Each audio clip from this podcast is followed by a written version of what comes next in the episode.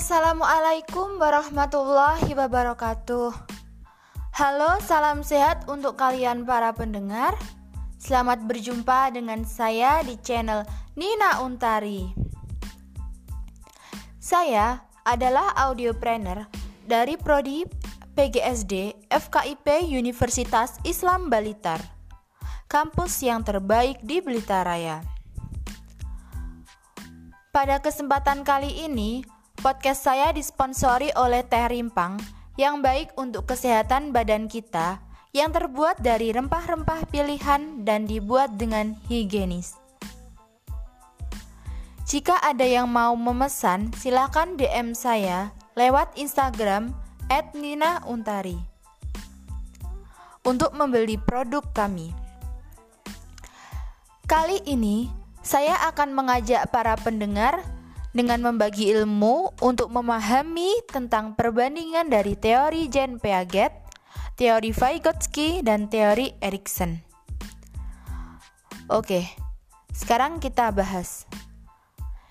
Jean Piaget adalah seorang filsuf, ilmuwan, dan psikolog perkembangan Swiss yang terkenal karena hasil penelitiannya tentang anak-anak dan teori perkembangan kognitif.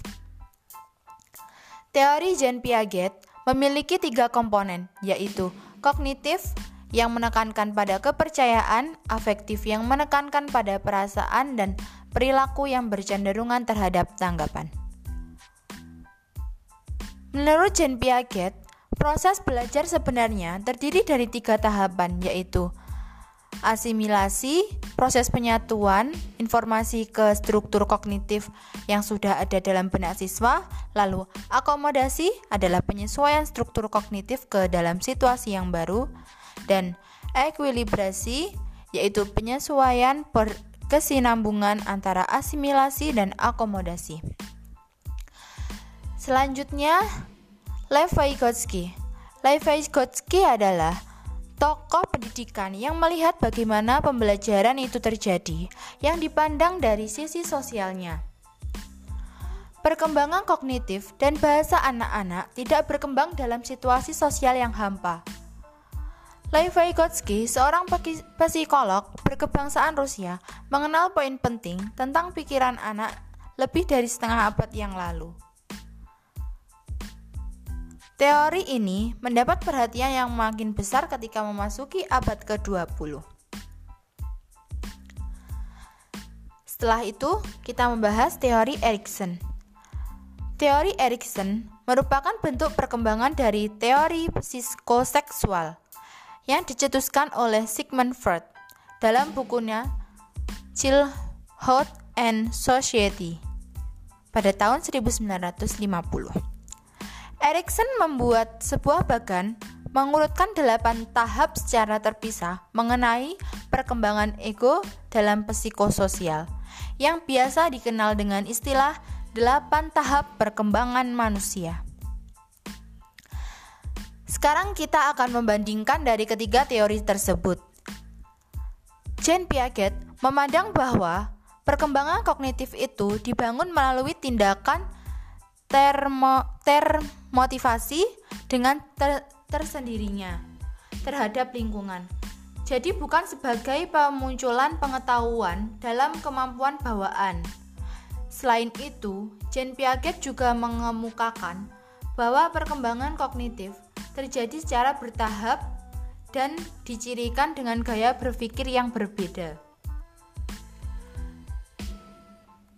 Menurut Vygotsky, Bahasa mempunyai peran yang penting dalam perkembangan kognitif anak. Bagi Jean Piaget, bahasa baru akan muncul ketika anak sudah mencapai pada tahap perkembangan yang cukup maju. Pengalaman berbahasa tergantung pada terhadap perkembangan kognitif saat itu. Namun, Vygotsky bagi Vygotsky, bahasa berkembang dari interaksi sosial yang dilakukan oleh anak dengan orang lain.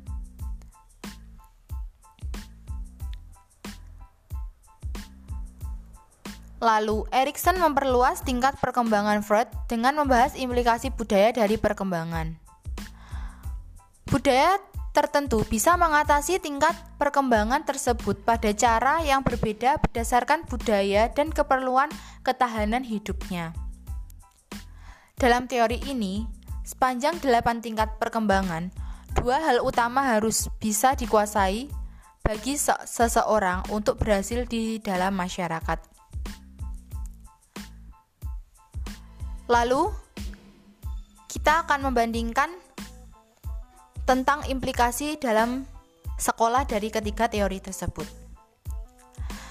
Dalam implikasi Jean Piaget, di sekolah dengan memberikan materi baru.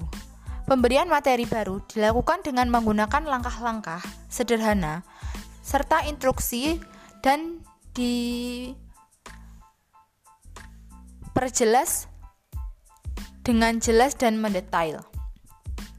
Langkah-langkah yang sederhana bertujuan untuk memastikan bahwa siswa dalam memproses informasi tidak berlebihan dan siswa dapat memproses informasi dengan efektif dan menyimpan di dalam memori sebelum materi baru diberikan. Instruksi dan penjelas yang jelas dan mendetail bertujuan untuk memastikan siswa memahami isi materi dan tidak terikat dalam proses mental yang kompleks untuk memahami apa yang guru katakan. Setelah itu, penerapan teori Vygotsky dalam interaksi belajar mengajar mungkin dapat dijabarkan sebagai berikut. 1.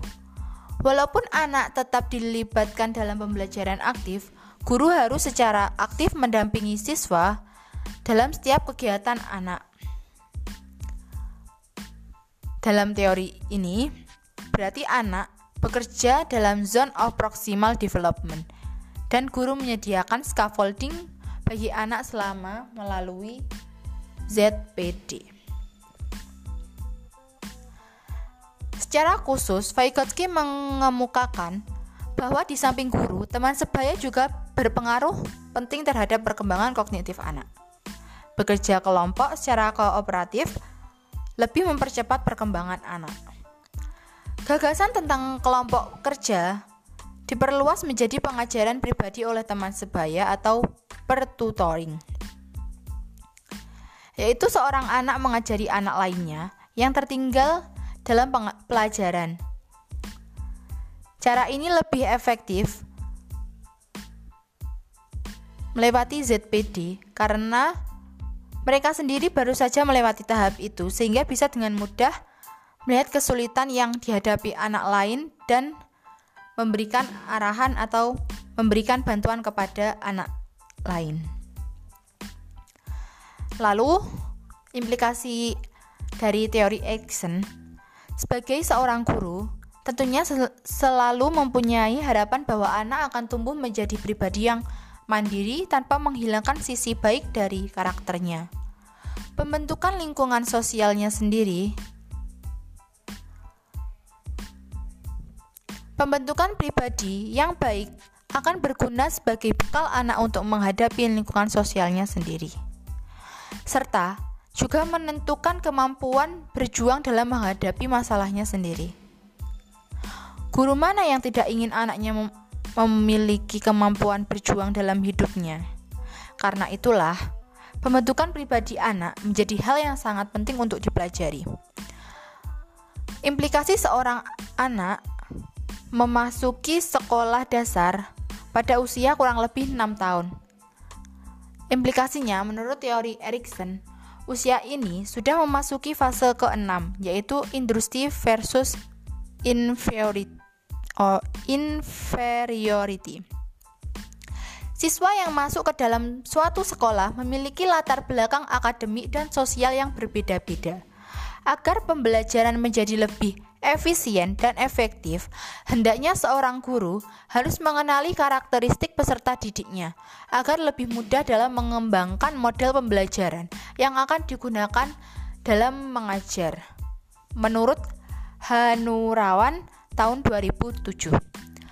Pada tahap ini, hendaknya guru dapat memotivasi siswa agar dapat melalui fase ini dengan baik, sehingga siswa tidak merasa rendah diri akan kekurangan yang dimilikinya. Oke, tadi saya sudah menjelaskan perbandingan dari teori Jean Piaget, teori Vygotsky, dan teori Erikson. Demikianlah perjumpaan kita. Terima kasih telah mendengarkan saya di channel Nina Untari. Salam berbahagia, salam sehat. Semoga informasi yang saya sampaikan dapat bermanfaat bagi para pendengar. Tetap stay at home untuk mengurangi virus corona. Bagi yang ingin disponsorkan di channel saya, silakan DM saya di Instagram Nina Untari. Salam Unisba Blitar, kreatif, integratif, inovatif, dan energik. Saya Nina Untari. Wassalamualaikum warahmatullahi wabarakatuh.